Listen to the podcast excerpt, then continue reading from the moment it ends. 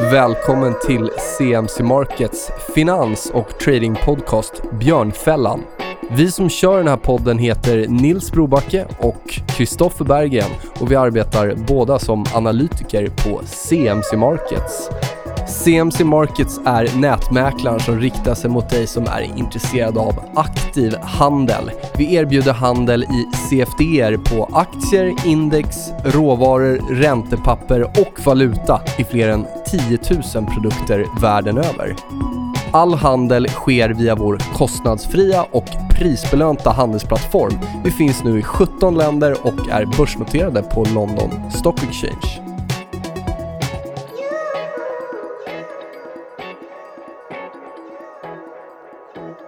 Då var vi tillbaka. Björnfällan avsnitt 76 och vi har laddat upp ordentligt, Kristoffer, eller hur? Ja, idag är vi själva. Eller du, du och jag, vår ljudtekniker. Ja. Eh, Fokus på lite teknisk analys. ja, följa upp året lite.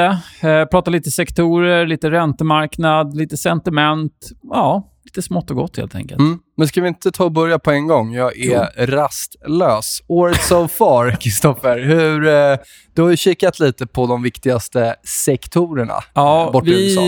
vi kikar gärna på S&P av förklarliga skäl. Dels är vi lite mer tradinginriktade, men det är väl den kanske det viktigaste indexet där ute. Styr mycket av annat som rör sig. Eh, och Det består ju av då sektorer såklart. Och Det finns ju några sektorer som jag tycker man ska hålla lite extra koll på. Eh, framförallt så är det ju teknologisektorn. Det känner vi till. Vi såg ju vad som hände där i var det december när det sålde av ordentligt på, i de stora techbolagen. Då gick ju också S&P ner ordentligt. Eh, och Det finns tre sektorer som innehåller många techbolag. Det är Consumer, disc Discretionary, sen så har vi Information Technology och sen så har vi Communication Service. Tillsammans så är det ungefär 40% av hela S&P 500-indexet. Sen så kom den här uh, communication-sektorn. Den blev ny. Många tänker kanske IT. Då tänker man att ja, men där finns eh, Facebook, Amazon och så vidare. Men de, i communications, där ligger Google, då, eller Alphabet och Facebook. Och Sen så kommer då AT&T, Verizon och så vidare. Saker som man kanske tänker som communication. Men även Netflix dyker upp där. Eh, och Amazon ligger i consumer discretionary sektorn istället. Eh, men eh, IT-sektorn, där ligger Apple, Microsoft, Cisco och så vidare. De stora IT-bolagen. Eh, de tre IT-fokuserade sektorerna plus financial och health är ungefär 60% av hela S&P. Så de fem tycker jag man ska hålla lite extra koll på. Framförallt IT som är strax över 20% viktig i hela S&P. Eh, Hur ska man få exponering mot de här om man inte vill köpa liksom enskilda eh, underliggande aktier? Ja, då kan man ju köra ETFer eh, såklart, eh, som vi då har. Just det. Lägligt. De amerikanska ETFerna. Eh, om man inte vill handla dem så kan man använda dem för analys. Eh, vi kommer att kika tekniskt alldeles strax. Men föga förvånande så är det ju sektormässigt då tech, alltså IT, information technology, som har gått bäst. Sen så har vi faktiskt real estate som har gått riktigt bra i år också. Det beror ju på den kraftiga räntenedgången och vi kommer också se på räntemarknaden att där har obligations, obligationerna stigit ordentligt. Eh, många av de amerikanska sektorerna är nära all time high. Eh, Alla är på plus för året, va?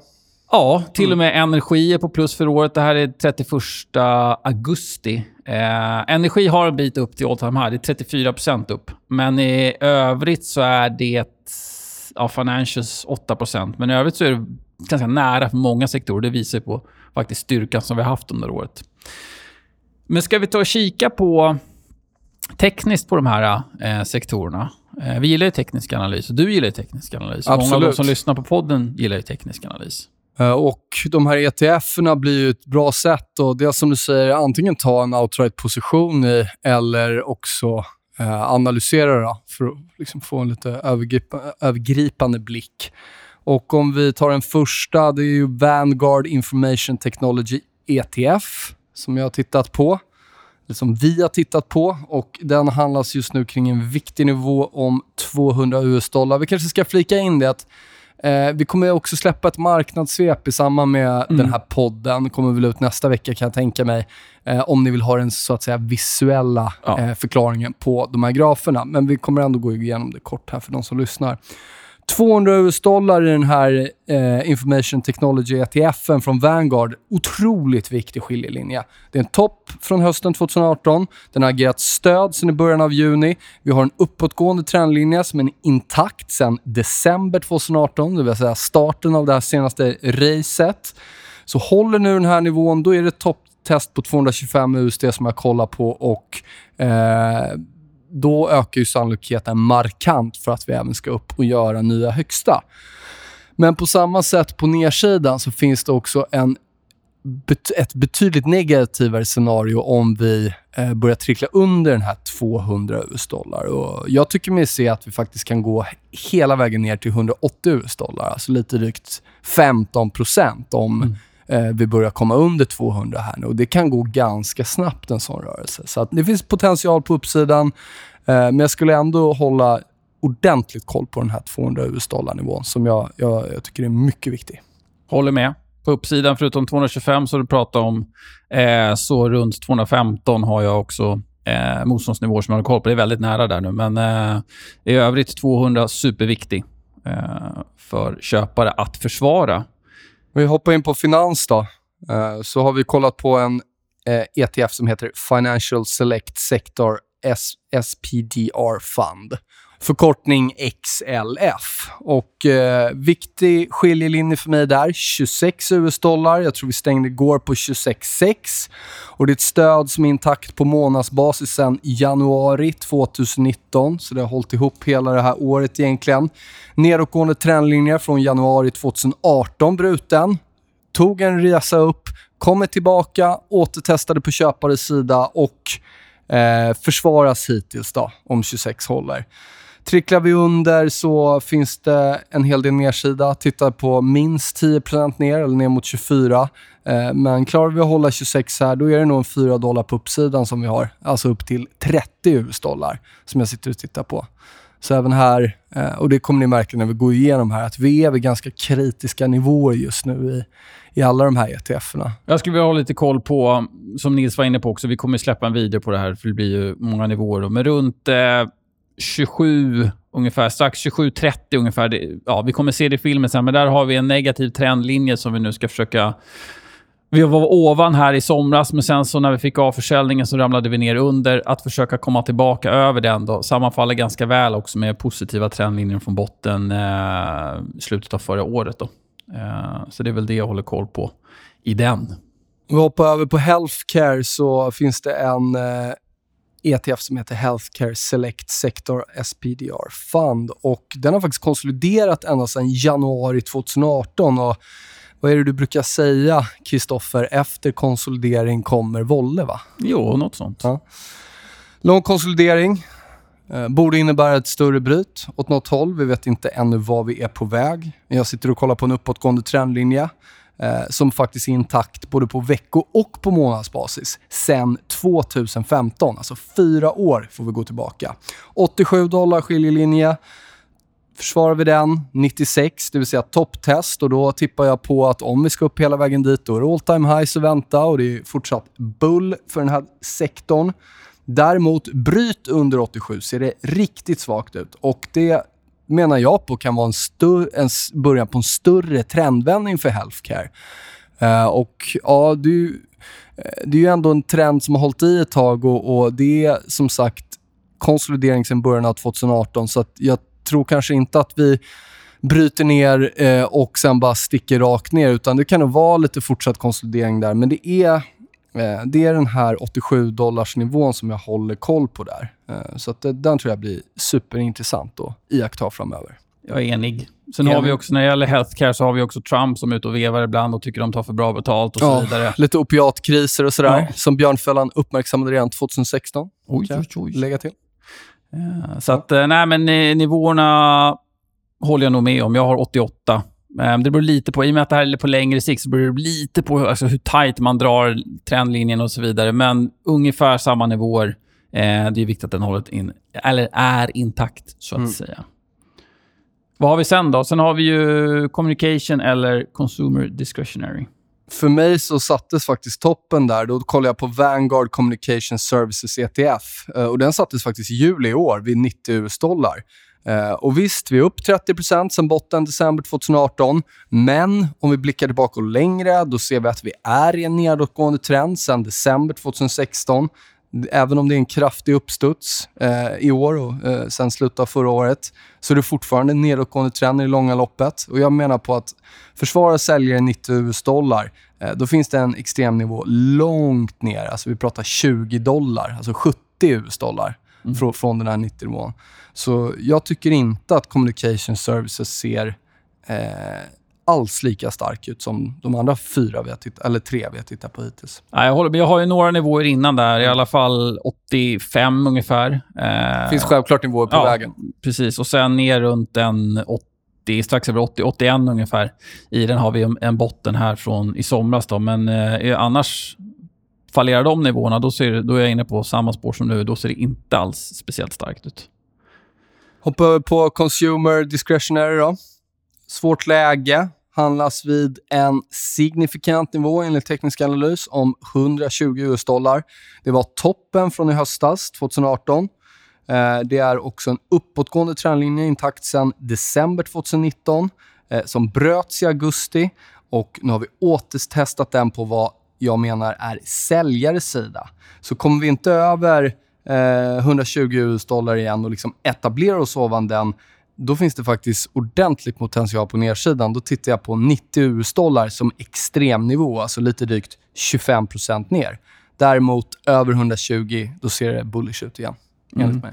Jag är inte lika extrem än. Nej. Har nivåer runt 114. Uh, eh, en botten jag har varit nere och petat på några gånger här i somras. Men framför allt ja, 110, 70 ner till 109, 30 ungefär. Den, den vändningen som skedde i våras blir eh, viktig. Eh, men som sagt, smäller det på i de här... Eh, det är viktiga nivåer på vägen, men smäller det på, då är det ganska långt ner vi ska, som du är inne på. Eh, så att jag tycker ändå, även fast man inte handlar om så bör man hålla koll på dem. Framförallt eh, Tech då, man, man kan ju kika på dem i storleksordning, men tech är ju definitivt störst med nästan 25 vikt. Då.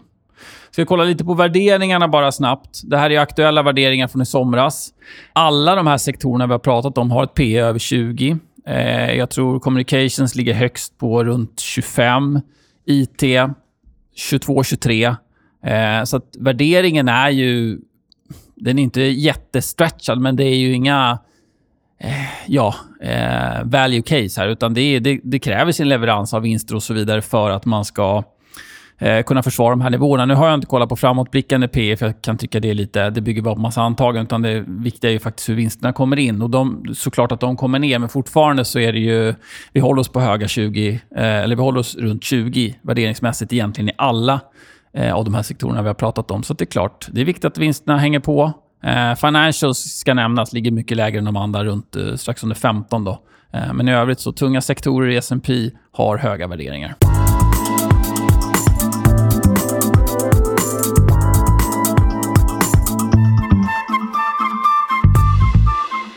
Vi pratar om utvecklingen här i de här sektorerna, men jag kollar tillbaka de senaste sex månaderna, så det blir inte riktigt från årsskiftet. då. Men eh, då är det egentligen två om vi ska kalla det, två marknader som sticker ut. och Det är obligationer och det är ädelmetaller kanske inte så förvånande, men det är de som dominerar den här topplistan. Eh, framförallt då eh, olika typer av miners. Men det som är intressant är att vi ändå har, om man tittar på till exempel en ETF som innehåller 20-åriga obligationer eller obligationer med ännu längre löptid, så är den upp nästan 23% eller 24% i år. Alltså eller senaste sex månaderna. Ja. Alltså det är en extrem rörelse i eh, obligationer. Och det, det, det är ju... Eh det är ju ändå rätt intressant att i många av de här ränteprodukterna har levererat bättre än eh, aktieindex. Då. Ah, ja. eh, och ja, Vi kommer väl komma in och prata lite mer kring ränteläget snart. va? Mm. Eh, och Som du nämner, ädelmetall har gått bra. Framförallt guld. då, mm. ska vi säga. Silver har Silver kommit ordentligt ja, här på slutet. Um, så att, um, och, ja, det, väl, det är länge sedan det var så mycket prat kring guld kan mm. man konstatera. Och, och det, det, är ju inte så konstigt. Ett, nej, precis. Det är kanske inte ett varningstecken, men det är lite så att det börjar kanske bli lite stretchat. Sen så är momentum mm. jättestarkt och även i silver, som du var inne på, så har det kommit igång ordentligt. Jag var faktiskt fel på bollen i guld. Jag trodde 1360-1370 där skulle räcka återigen, men jag hade också en spekulativ position i silver mot mm. det. Uh, och den tror jag i och för sig att guld kanske har gått ännu starkare, men vi fick också ett race i silver. Jag tror vi eh, från, från de nivåerna i våras är upp en lite drygt 30% Så att det, den har laggat lite mot guldet, men har, har kommit ordentligt här på Mm. slutet faktiskt. Eh, det som är lite intressant också, vi har pratat eh, ganska många gånger om eh, trendföljande, managed futures och så vidare. Haft det tufft länge. Men i år så har de haft eh, den bästa starten på jättelänge. Jag tror en stor del beror på eh, ränterörelserna såklart. Absolut. Att de har trendat så pass stadigt under egentligen hela året som de har gjort. Och Eh, ädelmetaller också, ja. tror jag, bi- bistått med det. Och det är bara att kolla på vår svenska flagship när det gäller trendföljande Lynx här. Ja. Rakt över gatan. De är väl upp en, mot en 30% i år. Mm. Eh, så att, ja, det var väl lite prat om det där, CTA, så att de var döda. Och så nu kommer det här feta året igen. Nu vet vi inte hur det slutar, Nej. men det kan ju mycket väl sluta på, på liksom uppåt en 40-50% för dem i år. Mm. Eh, om några av de här trenderna fortsätter. Men det återstår att se. Ja.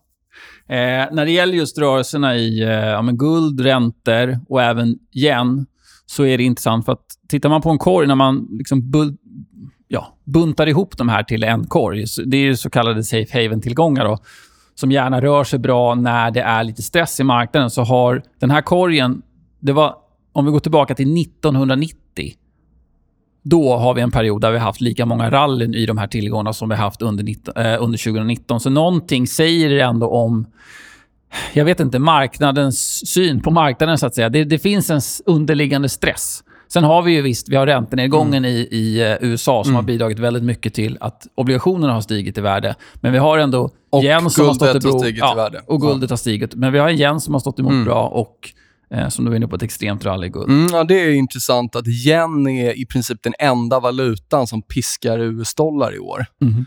Eh, och US-dollarn är ju extremt stark mot allt annat. Mm. Och eh, ja, Jag vet inte hur man ska tolka det, men det är ju definitivt som du säger att historiskt sett har inte det varit särskilt bullish. Nej. Jonas på, Thulin, på, som var här sist, eh, han verkade inte lägga jättemycket vikt Nej, det här. Och jag tycker det är generellt faktiskt att jag vet inte. Jag, jag, jag, tycker inte. jag ser inte jättemycket kring det resonemanget. Nej. Och det är alltid för mig ganska intressant. Mm. För då, då, då är det inte så många som har uppmärksammat det ännu.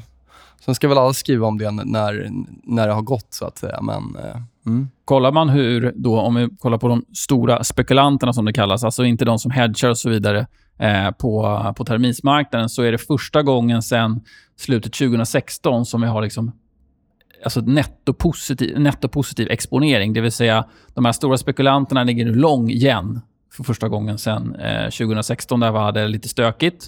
Eh, innan 2016 får vi gå tillbaka till egentligen eh, eurokrisen som vi hade där 2011-2012. Så det är ändå intressant att spekulanterna med lite mer kassa bakom sig väljer att positionera sig för en starkare igen. Det säger någonting om som sagt Ja, och sentiment. då har den ändå rört sig rätt bra i år. Precis. Om vi hoppar över på valutan då. Vi är ju där och leker. US-dollar-index, eh, breda, som vi brukar titta på, den har ju fortsatt att vara starkt. Vi har stängt högre och högre ett par månader i rad nu.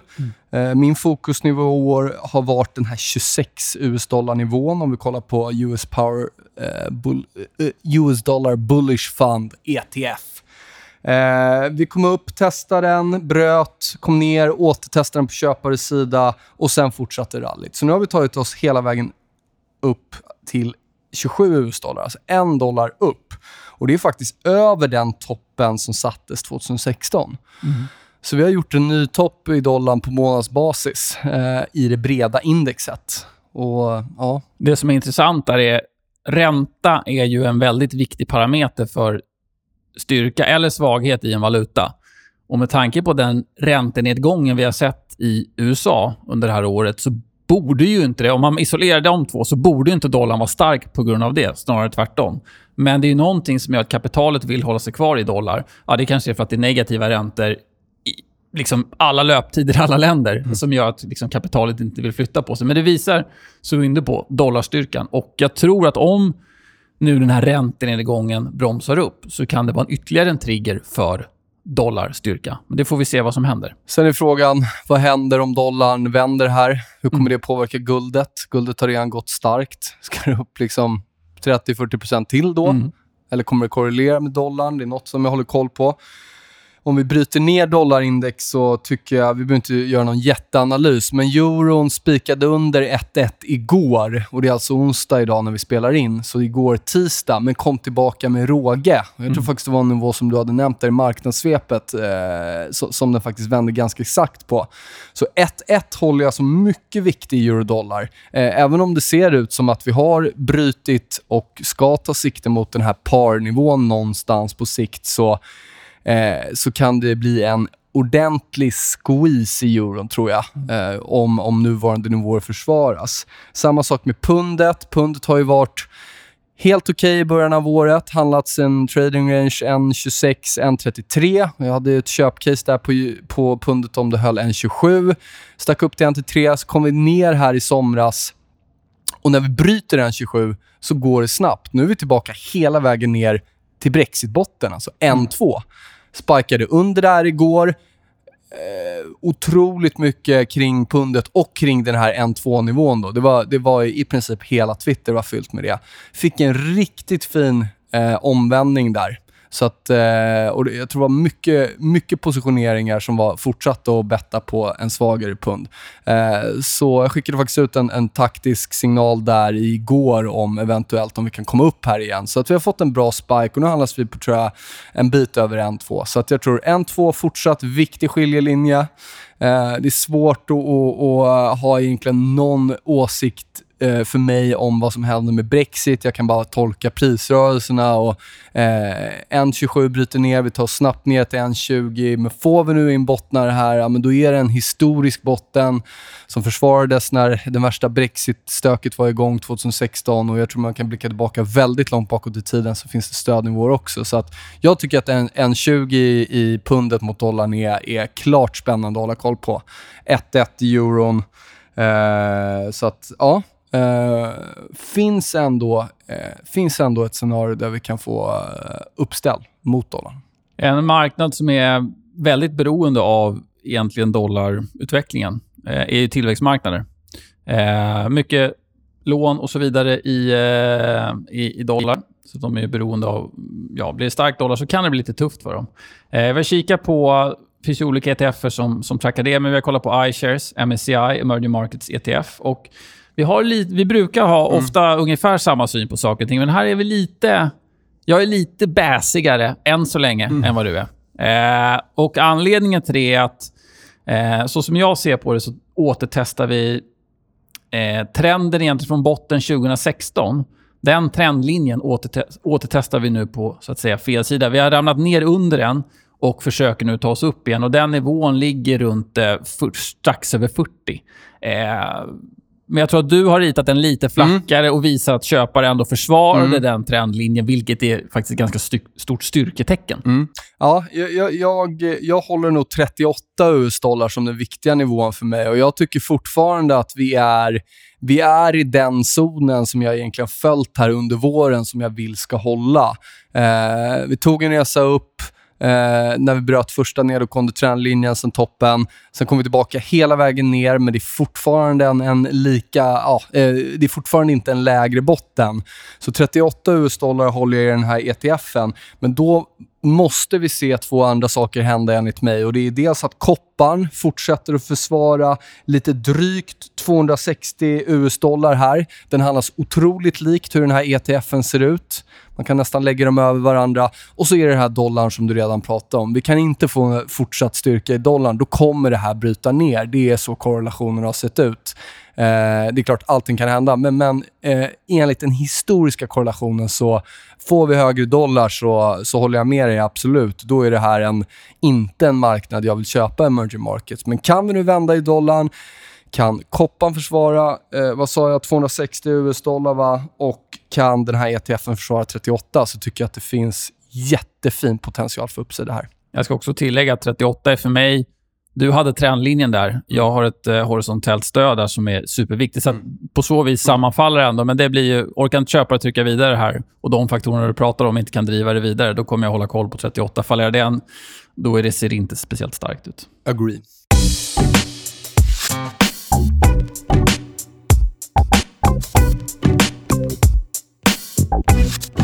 Ska bara känna på lite sentimentet eh, på den amerikanska marknaden. Eh, vi har ju pratat om det här med margin depth några gånger tidigare. Eh, hur viktig den är just när den börjar röra sig åt fel håll. För Det innebär att då kommer folk behöva stänga positioner. De får margin calls. Eh, mäklarna börjar ringa och säga nu är det dags att putta in mer pengar eller göra sig av med positioner. Och vi fick en... Och det här nämnde även eh, Jonas Thulin som vi hade i podden här senaste intervjun då, att vi fick en ganska stor sättning i just margin depth i eh, slutet av året. Eh, det var väl skatteregler ja, exakt, pratade han bland annat om eh, för hedgefonder och så vidare. Precis, det skedde lite vad man ska kalla regulatoriska förändringar, men om man tittar på den och lägger den liksom som en, ja, över S&P så korrelerar de faktiskt väldigt väl. Eh, sen är frågan vilken som följer vilken. Men det som är intressant är nu att efter de här regulatoriska förändringarna så har S&P fortsatt studsa upp, men margin depth har egentligen stannat på den nivån där vi vände eh, efter den här stora avförsäljningen i slutet av 2018, början 2019. Hur ska vi tolka det? Man kanske inte ska överanalysera, men det som är intressant är att då finns det inte lika mycket skuld i positionerna som det fanns tidigare, vilket betyder att eh, det kommer inte vara lika stora volymer som behöver tvångslikvideras om vi får en sättning igen. Sen en sättning är en mm. sättning. Mm. Eh, men man kanske inte får samma flash-sättning ja. som tidigare. Eh, sen är det fortfarande höga nivåer, det är stora volymer det handlar om, men det är ändå intressant att margin depth inte har följt med S&P som det har gjort egentligen ett till ett vid tidigare sättningar. Folk liksom har lastat på sig skuld igen när det börjar vända uppåt. Så det är, det är lite intressant. Sen kan man kolla på hur många som handlas över 200 dagars medelvärde. Det är en sån här ja, indikator för positiv negativ trend som många älskar att använda. Och Där ligger vi strax över 50% av alla bolag S&P handlas över. Det här är från 30 augusti. Även SMA 50, då, som är lite kortsiktigare, där har vi ändå ett okej okay momentum. Fort, inte 50% riktigt än, men vi har ändå haft en ganska trevlig vändning där sen eh, vi sålde av ordentligt i eh, var det våras. Eh, så att helt okej okay, momentum. Känns spontant mer, det känns varken bull eller bear. Ja, visst, vi kan dra det lite mer åt bull, men snarare lite någonstans däremellan. Ja, Hot det, är, det är inte tokmomentum, men det är inte uppgången som har varit nu har inte varit helt ihålig. Men eh, absolut, som du är inne på, det är inte som... Men vi har inte det här riktigt super momentumet.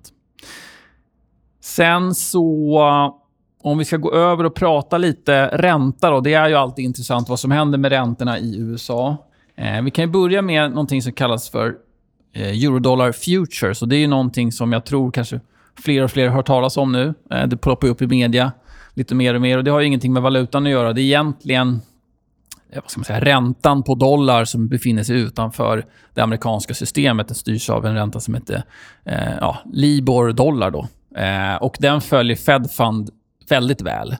Eh, däremot så följer den inte den amerikanska tioåringen speciellt väl. Och Det är lite intressant när man tittar på hur de stora placerarna och spekulanterna har positionerat sig. För kollar man på Eurodollar Futures så är det nu för första gången sen egentligen, ja, litet undantag 2015, 2012, så är man positivt positionerade för en ytterligare nedgång i eh, den amerikanska räntan. Så där har passerare då tänkt att Fed kommer fortsätta sänka räntan i och med att den här eh, Fed Fund Rate, eller förlåt, Eurodollar futurerna följer Fed Fund Rate väldigt väl. Och Det är Fed Fund Rate som Fed styr då, så att säga. Eh, och volymmässigt är vi nog på ATH-nivåer, skulle jag säga. I alla fall data tillbaka till 2000. Eh, så det är intressant att så pass stora positioner har valt att lägga sig lång eh, Eurodollar futures som då stiger om räntan går ner. Tioåringen som vi ofta pratar om, där ser det lite annorlunda ut. Eh, där är nettot fortfarande kort. Vi har kommit tillbaka lite eh, från det extrema nettot vi hade när Fed var ute och sa att man kommer fortsätta höja räntan under 2019. och Sen så fick vi en rejäl sättning. Trump var ute och skrika på Fed och Powell. och Då börjar man liksom vända sitt eget, sin egen syn på 2019 och då börjar de här positionerna stängas ner. Men fortfarande så är vi nettokort.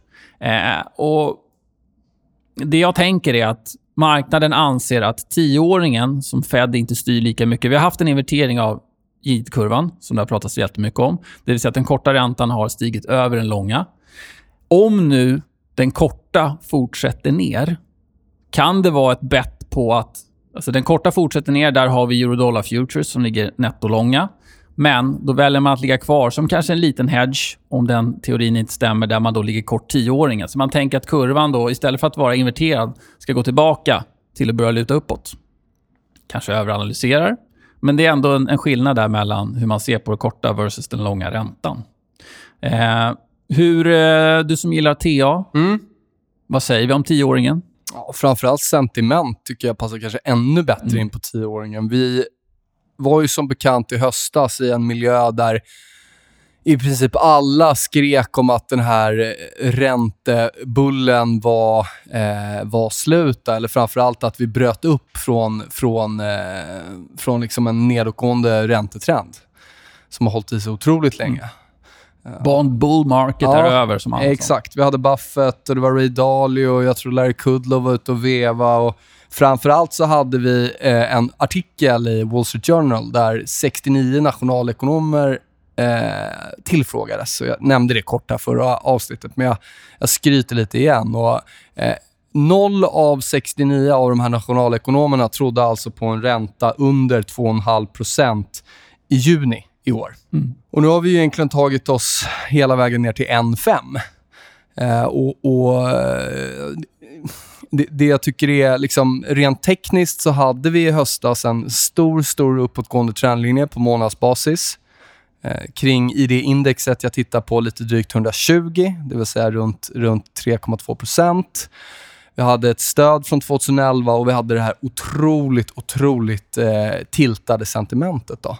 Eh, och eh, när det där vänder och ja, egentligen ganska tydligt i månadsgrafen att, att den försvarar den här nivån eh, så har jag haft den här eh, syn på att vi ska få en fortsatt räntenedgång. Och jag har pratat om eh, 2016 års räntebotten, alltså mellan 1,9 och 1,5 procent. Jag tror att jag hade i indexet vi tittade på lite drygt 130 som motsvarade 1,9 eh, procent. Och nu är vi ju faktiskt vi är ju där och vi är till och med under. Och Det här är, inget, det är ingen, det är ingen bash på nationalekonomer eller varken Warren Buffett eller Ray Dalio eller vad det nu kan vara. Men jag tycker i alla fall att man ska ha med sig det här att eh, ett sentiment som är så tiltat och man har en vy själv, man tror på någonting, man tycker sig se någonting. Eh, bara för att resten av världen säger någonting annat så, så, så behöver inte det vara rätt. Snarare att när du väl får rätt på en sån trade eller ett, på ett sånt case, då kommer du få otroligt rätt om du har alla på andra sidan, eller de Mm. flesta på andra sidan. Och Det var, det var flera TA-analytiker och, och spekulanter eh, som också tittade på de här nivåerna. Men jag tror eh, i det stora hela så var konsensus eh, ränteuppgång eller konsolidering i räntan. Det var absolut inte räntenedgång. Eh, och Jag vet att även du hade ju räntecase i 2019 års portfölj också i samma Mm. riktning som har, som har gått eh, väldigt trevligt. Och där är också... Jag hade ju tio, amerikanska tioåringen men också tyska tioåringen. Just för att det var samma sak där, men räntan kan inte gå ner mer. Det liksom... Ja, det var vägs ände typ. Mm. Men tittar man på det i första hand tekniskt, Mm. så då, när vi pratade om det, när jag Mm. tog ner det, så hade vi brutit ut en jätteintressant teknisk nivå. Och Sen visar det sig nu att ja, men diverse data har kommit in, men nu handlas tyska tioåringen till minus Mm. 0,7. Det var ingen som trodde i början av året.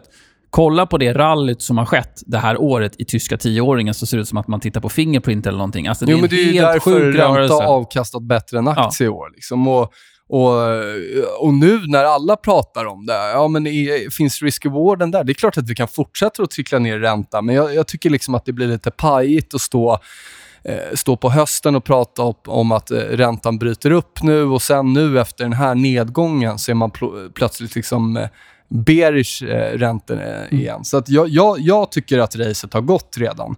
Eh, jag tror faktiskt att vi har en potentiell botten här på gång eh, om vi försvarar 1,35. Och det var, det var den, den liksom superbotten, om man ska säga, från Mm. 2016. Så att, vad händer om två, tre, fyra år? Ingen aning. Det kan man ju fråga nationalekonomerna. Får se om de får rätt. Men på kort sikt så tycker jag i alla fall att eh, risk-rewarden nu snarare ligger på ränteuppgång från de här nivåerna. Och Det skulle ju också, vad pratade vi om tidigare? Va? Det skulle ju faktiskt eh, kunna vara ganska negativt för eh, guld. Ja. Ja. Vad annat har gått på det i år? Jag tror att oljan skulle kunna börja stärkas kraftigt som ett annat case som jag tycker börjar se riktigt intressant ut. Står också och väger på en knivsudd, precis som emerging markets och några av sektorerna vi har kollat på. Men om vi tar crude Brent så, så är den nere nu i 58 US-dollar och det är en mycket intressant nivå. Det är uppåtgående trendlinjer som håller både på vecko och på månadsgrafen sedan 2016. Det är tidigare stödnivåer och det är ett allmänt väldigt baissigt sentiment kring olja, tycker jag ändå. Så att det, det, det är också en skiljelinje och står och väger. Men jag kan tänka mig att om vi sätter en räntebotten här så har vi upp i olja, ner i guld och ja, även då emerging markets och koppar som kan bli intressant. Mm. Vi hade även lite andra ränte, räntetillgångar som vi pratade om. Va? HYG som vi alltid har med nästan. Ja, och sen har vi ju investment grade som har eh, haft också en jättebra utveckling eh, i år och egentligen sen botten de satte väl botten i ja, slutet av 2018, eh, där november ungefär, mm. när det började pratas om eh, just det här med ja, räntorna. För att men det var ungefär samma ja, tid. Ja. Eh, investment grade är den, den räntetillgången som är mest beroende av ränteriktningen. Och framförallt i sjunkande ränteklimat så är investment grade den eh, räntetillgången som går allra starkast. Eh, så att den har haft en fantastisk utveckling mm. sen eh, början av året. Och Man behövde ju inte ens vara med där på botten. Jag vet att den nej, var nej, med nej. i contrarian-portföljen för mig om vi bröt över 114,5. Och Jag tror vi toppade ur här, om det var förra veckan, på 130 eller 129,4. Så vi fick alltså lite drygt 14% upp och vi är fortfarande upp 12% där. Mm. Så att, eh, och det var, det var också tekniskt en, en ganska skolboks-setup. Liksom nedåtgående trendlinje, bruten återtest och sen sticker det eh, ja, lite, lite konservativare lutning i början och i slutet har det nästan varit paraboliskt. Ja, den här rörelsen är... Vi kommer ta med den i den här marknadssvepspecialen, mm. men den är ju helt... Man tror återigen att det är någon form av småbolagsaktie man kollar på. Här. Eh, men just investment grade är också ganska intressant ur ett eh, vad ska vi säga, marknadsriskperspektiv. Nu har det inte bubblat upp än, men det, det drog igång lite när det kom ut någon artikel om att General Electric, eller GE, då är det största, eh, större fraud än Enron och så vidare. Eh, och, och, Anledningen till att jag tror att man ska hålla lite koll på det, även fler än jag som har pratat om det, men vi tog upp det, jag tror att det var två år sedan eller något sånt där. Om det var något år sedan när vi var några obligationsförvaltare här. Men det är att investment grade och framförallt de som är kategoriserade som triple B, det vill säga snäppet över skräpstatus eller high yield eller non-investment grade. Där ligger GE. Det finns andra stora bolag som ligger där. Och Risken är om de här nu blir, skulle bli ned, eh, alltså nedgraderade till skräpstatus, för då är det extremt stora volymer som ska in i high yield. High yield kommer aldrig kunna ta emot de här volymerna. Eh, för att investment grade-fonder får ju inte ha papper som inte är kategoriserade som investment grade. Det säger sig självt. Och triple B-segmentet är över 3 biljoner dollar. Det är 50% av hela investment grade är triple B. Nu säger jag inte att alla kommer nedgraderas till skräpstatus, men om ekonomin försämras, de får svårare att betala sina räntor och så vidare och så vidare, så kan det bli en, ja, en eh, negativ spiral. Och som sagt, Ska det in stora volymer i high yield, då kommer den marknaden inte må bra. För det kommer inte finnas någon som kan köpa upp de volymerna. Eller får köpa upp de volymerna. Det finns inte mandat att ta all den volymen som kommer. Vi är inte där än, men det jag vill komma till är att jag, om det börjar bubbla kring det här och det blir oro kring det här, då kan man se investment grade lite som high yield är risk on, risk off. Så tror jag man kan se, börja kan se investment grade som risk on, risk off. För att då är det det marknaden kommer fokusera mm. på. Och som jag har pratat om tidigare, att yuan kan vara risk on, risk off trade eller risk-off-sentiment tror jag investment grade-indexet mm. också kan bli det om man nu börjar oroa sig för det. Men vi är inte där än. HYG fortsatt 86 US-dollar som jag håller koll på där. Eh, har konsoliderat egentligen kring den nivån Ehm, en längre tid och, och eh, vi är just nu uppe och petar lite ovan, men vi har inte brutit upp än. Så 86 håller jag också koll på för risk-on, risk-off-klimat. Och Johan, som du säger, vi kanske ska nämna det, började faktiskt året ganska trevligt för Johan Bulls. Eh, jag hade med det caset i även det i portföljen. Då. Började okej, okay. under 6-9 tror jag vi kom ner till 6-6 lite drygt, eller 6 667 får vara exakt. Men sen köpare kommer in, vi går hela vägen upp till den här 7-nivån och kommer ni ihåg, pratet om 7 har ju varit det här att Public Bank of China kommer inte släppa förbi det där och den ska försvaras med näbbar och klor. Även jag har påpekat det caset och det blev väldigt rätt förra året, blev rätt i början av året. Men vad händer när vi bryter över 7? Totalt superrally i dollarn. Och det har ju smält otroligt mycket. Och vad anledningarna till det? Ja, är det Kina som devalverar eller vad är det som händer? Eh, man, man, kan säga mycket om det och det finns jättesmarta personer där ute som har jättebra teorier. Men det är i alla fall, eh, liksom, det visar återigen de här viktiga psykologiska nivåerna i alla pristillgångar vi tittar på. Mm. Eh, otroligt sentimentstyvet. Jag skulle bara vilja lägga till en grej angående tioåringen mm. där. Eh, vi gillar ju att kolla på det här med sentiment och Eh, det är väl Bank of America, eh, Merrill Lynch brukar komma med såna här Fed eller eh, förvaltarsurvey varje månad. Och Jag tror att det var i augusti så var man...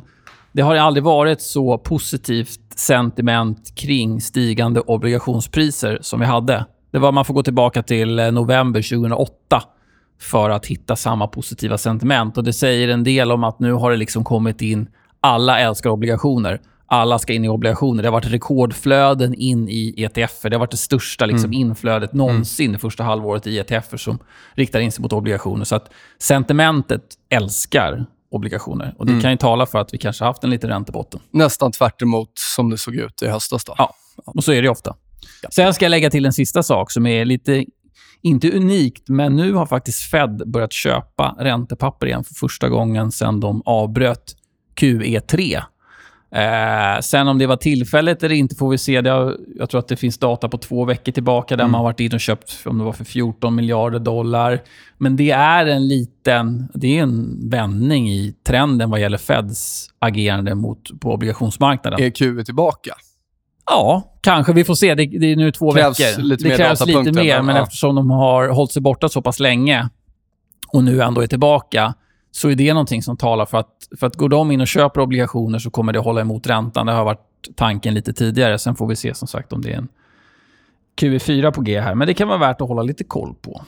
Ska vi ta några breda indexnivåer kanske? Ja, men kör. Kort. Det jag håller koll på nu här. Eh, förra veckan väldigt stark i DAX, om vi tittar på veckografen. Eh, månadsgrafen har också kommit upp en del. Eh, och Jag har sett att även den här veckan har börjat starkt och vi hovrar över 12 000 som jag tycker är en nyckelnivå, framförallt på månadsbasis. Eh, jag menar fortfarande på att det här är en eh, studs upp i en nedåtgående trend i dags om vi inte stänger över 12 000. Med det sagt kan man absolut, på månadsbasis då den här månaden, med det sagt kan man ju absolut vara taktiskt lång på på kort sikt i, i, i liksom index. Jag tror vi hade eh, förra veckan eller veckan innan så var det väldigt mycket recessionssnack. Eh, tror jag tog det exemplet både svärfar och mormor. Och det var liksom långnivåerna eller långvolymerna gick från ganska, ganska tiltat långt till att börja korta där nere kring 11 400. Och det där på kort sikt brukar alltid liksom vara eh, i alla fall finnas potentiellt för ett bra uppställ. Och nu stack vi i och för sig längre än vad jag trodde, men 11 400 upp till 12 000 och nu är vi där över. Så vi har ändå studsat över 600 punkter mm. på inte allt för kort tid. Så att... Eh, det är frågan om man har skrämt bort björnarna nu, men jag tror att det är 12 000 i den långsiktiga vyn som liksom kommer visa vägen. Och kort analys på OMX, 1600 motsvarande nivå månadsbasis och S&P 2940. Eh, stänger vi inte över där den här månaden, då, då, då tror jag att vi har fortsatt nedgångar att vänta. Mm. Apropå recessionsoro så kom det igår. De flesta i alla fall gillar ju de här inköpschefsindexerna och det finns ju en anledning till det i och med att det är ju liksom lite så här, man håller örat mot eh, rälsen där företagen härjar runt, så att säga. Men de kom in riktigt, eller den siffran kom in riktigt svagt från USA mm. eh, igår. Och det var framför allt... Dels så kom den in under 50 som är någon form av magisk nivå. Nej, men det, det är definitionen av tillväxt eller icke-tillväxt. Då. Men det som var lite oroväckande här var att de som blickar framåt, alltså nya order, ny export och eh, alltså employment var jättedåliga. Alltså de sjönk väldigt kraftigt från julisiffran. Man skyller på Eh, trade war antar jag, eller? Ja, det är väl kanske ett, visar ju på att det börjar bita. Mm. Framförallt eh, om man tittar på förväntningarna kring exporten, så var det den siffran som sjönk allra mest. Mm. Eh, och Den var nere på 43,3. Månaden innan var den på 48, så fortfarande under 50 som är då liksom linjen i sanden. Men 43,3 var en riktigt svag siffra. Eh, så den här eh, tror jag, den är viktig, men att se en studs i den här Mm. eh, kommande månader tror jag blir jätteviktigt. För att annars kommer verkligen den här recessionsoron sätta sig. Eh, och med, med rätta då. Intressant är ju höstens topp 2018. Jag, jag tror faktiskt att det var den bästa ISM-siffran Ja. någonsin som har eh, producerats. Då, som typ markerade toppen den Mm. gången. Sen så är det här i sentimentsiffror, det är inte hårda, det är viktigt att Nej. kolla på BNP och Självklart. alla såna här saker. Kollar man liksom på Citigroups surprise index där man mäter massvis med olika makrodata så överraskar det på uppsidan. Så att man ska inte tolka ISM som att det är katastrof, men det är ändå en viktig signal att det börjar kanske bromsa in lite. Mm. Vad säger du? Kryptolovers. De har ju haft det gött i år. Ja, Så även jag. Skämt åsido, nej, men krypto har varit fantastiskt. Det är den stora vinnaren i portföljen i år för mig. Upp som mest 300% och just nu 200% Och Jag tycker att det ser fortsatt bra ut om 10 000 håller. 10 000 US-dollar alltså. Eh, större uppåtgående trendkanal och eh, liksom, ja, ser rent stödmässigt ut. Vi får bra svansar på nedsidan och vi kommer tillbaka ovan här. Så att 10 000 mellan tummen och pekfingret. Bull för mig i bitcoin. Fortsatt bull. Under där, eh, då ska man nog vara försiktig. Men det är också lite intressant att prata om det här risk on, risk off. När vi får sättningar på marknaden, har fått det under det här året, så ser man ändå ett stort intresse just för krypto. Lite konstigt, för att krypto var, under den stora kryptobäsen så var ju det snarare en risk-on-trade. Då gick ju S&P och, och, och krypto hand i hand. I år har det faktiskt inte sett Nej. ut så. Eh, så håller det på att ta över som en safe haven? Nej, det tror jag inte. Men det är... Det är nu, nu, Alltså safe haven är ju allt. per definition inte för Nej. att det slår ju så volatilt. Ja. Eller jag vet inte, kan man säga att det är en safe haven? Nej. Men det är i alla fall en... Det kanske är att det i alla fall har en, liksom en... Börjar få en, en given plats i portföljen. Ja. Jag vet inte. Jag tänkte bara ska lägga till en sista grej om guld som är eh, eh, det gamla bitcoin, eller vad man nu ska säga. Jag vet inte. Men eh, det har ju gått starkt, det kan vi alla konstatera. Men det har gått starkt, starkt mot väldigt många valutor också. Mot allt, typ. Ja, mot Ja. allt. Kollar man på en korg med valutor så är vi nu typ ATH i den korgen. Jag tror att det är nästan 30 olika valutor som man mäter mot guld. Så det visar också att det är ett brett intresse och jag tror att det finns en viss underliggande oro där som vi pratade om tidigare när man med de här safe haven-rallyna som har funnits, att vi har fått den här tryckaren i guld. Och Det är ju historiskt en, en tillgång som har funkat väldigt bra när det blir stress, alltså ordentlig stress i systemet de perioderna där vi har haft störst negativ korrelation mot aktiemarknaden, det vill säga om aktiemarknaden faller kraftigt så stiger guld, eh, det är ju krisperioderna. Bland annat 2008, såklart. Eh, minus 0,5, i eurokrisen, minus 0,5 också i korrelation. Och Sen så går man tillbaka när det var oro kring Kina, där början 2016 var det väl, eh, där det var riktigt stökigt på marknaden och återigen nere på 0,5. Och Sen går ju korrelationen upp. Det är inte alltid så här, men just i krislägen, det är då guld liksom glimrar som mest. Nu har vi inte haft kris i år i och för sig. Och ändå har vi haft det här eh, rallyt. Men eh, det intressant. Jag tycker vi rundar av med de trevliga orden om Ja, guldet. jag har säkert sagt intressant 25 gånger i det här avsnittet. Det gör inget. Det är faktiskt intressant, det vi Det säger. Tack för idag. Eh, frågor och funderingar tveka inte höra av er till oss. Missa inte TradeCMC. Missa inte vår Twitterkanal. Missa inte vår YouTube-kanal där vi kommer posta ett marknadssvep med de här pristillgångarna som vi har kollat på idag. Om ni vill ha den visuella förklaringen. Annars har väl jag inte så mycket mer. Något att tillägga där, Kristoffer? Frågor och funderingar är bara att mejla till... Antingen kan ni ta det på Twitter då. Eh, hashtaggen björnfällan. Det går också bra att mejla kundservice.cmcmarks.se om det är några ämnen ni tycker vi ska prata om, gäster vi ska intervjua och så vidare. Vad ni tycker om podden helt enkelt. Och jag ska också nämna att vi kommer ha ett eh, seminarium i eh, Malmö den 19 september. Eh, en utbildning där, där vi kommer att prata om teknisk analys, riskhantering, lite marknadspsykologi och så vidare. Så är man intresserad av att vara med på den så är det bara att gå in på vår hemsida cmsmarkets.se och kika under fliken utbildningar så hittar man mer information där helt enkelt. Mm. Säger vi så. Ha det gott. Hej då! Ciao! Wherever I dance.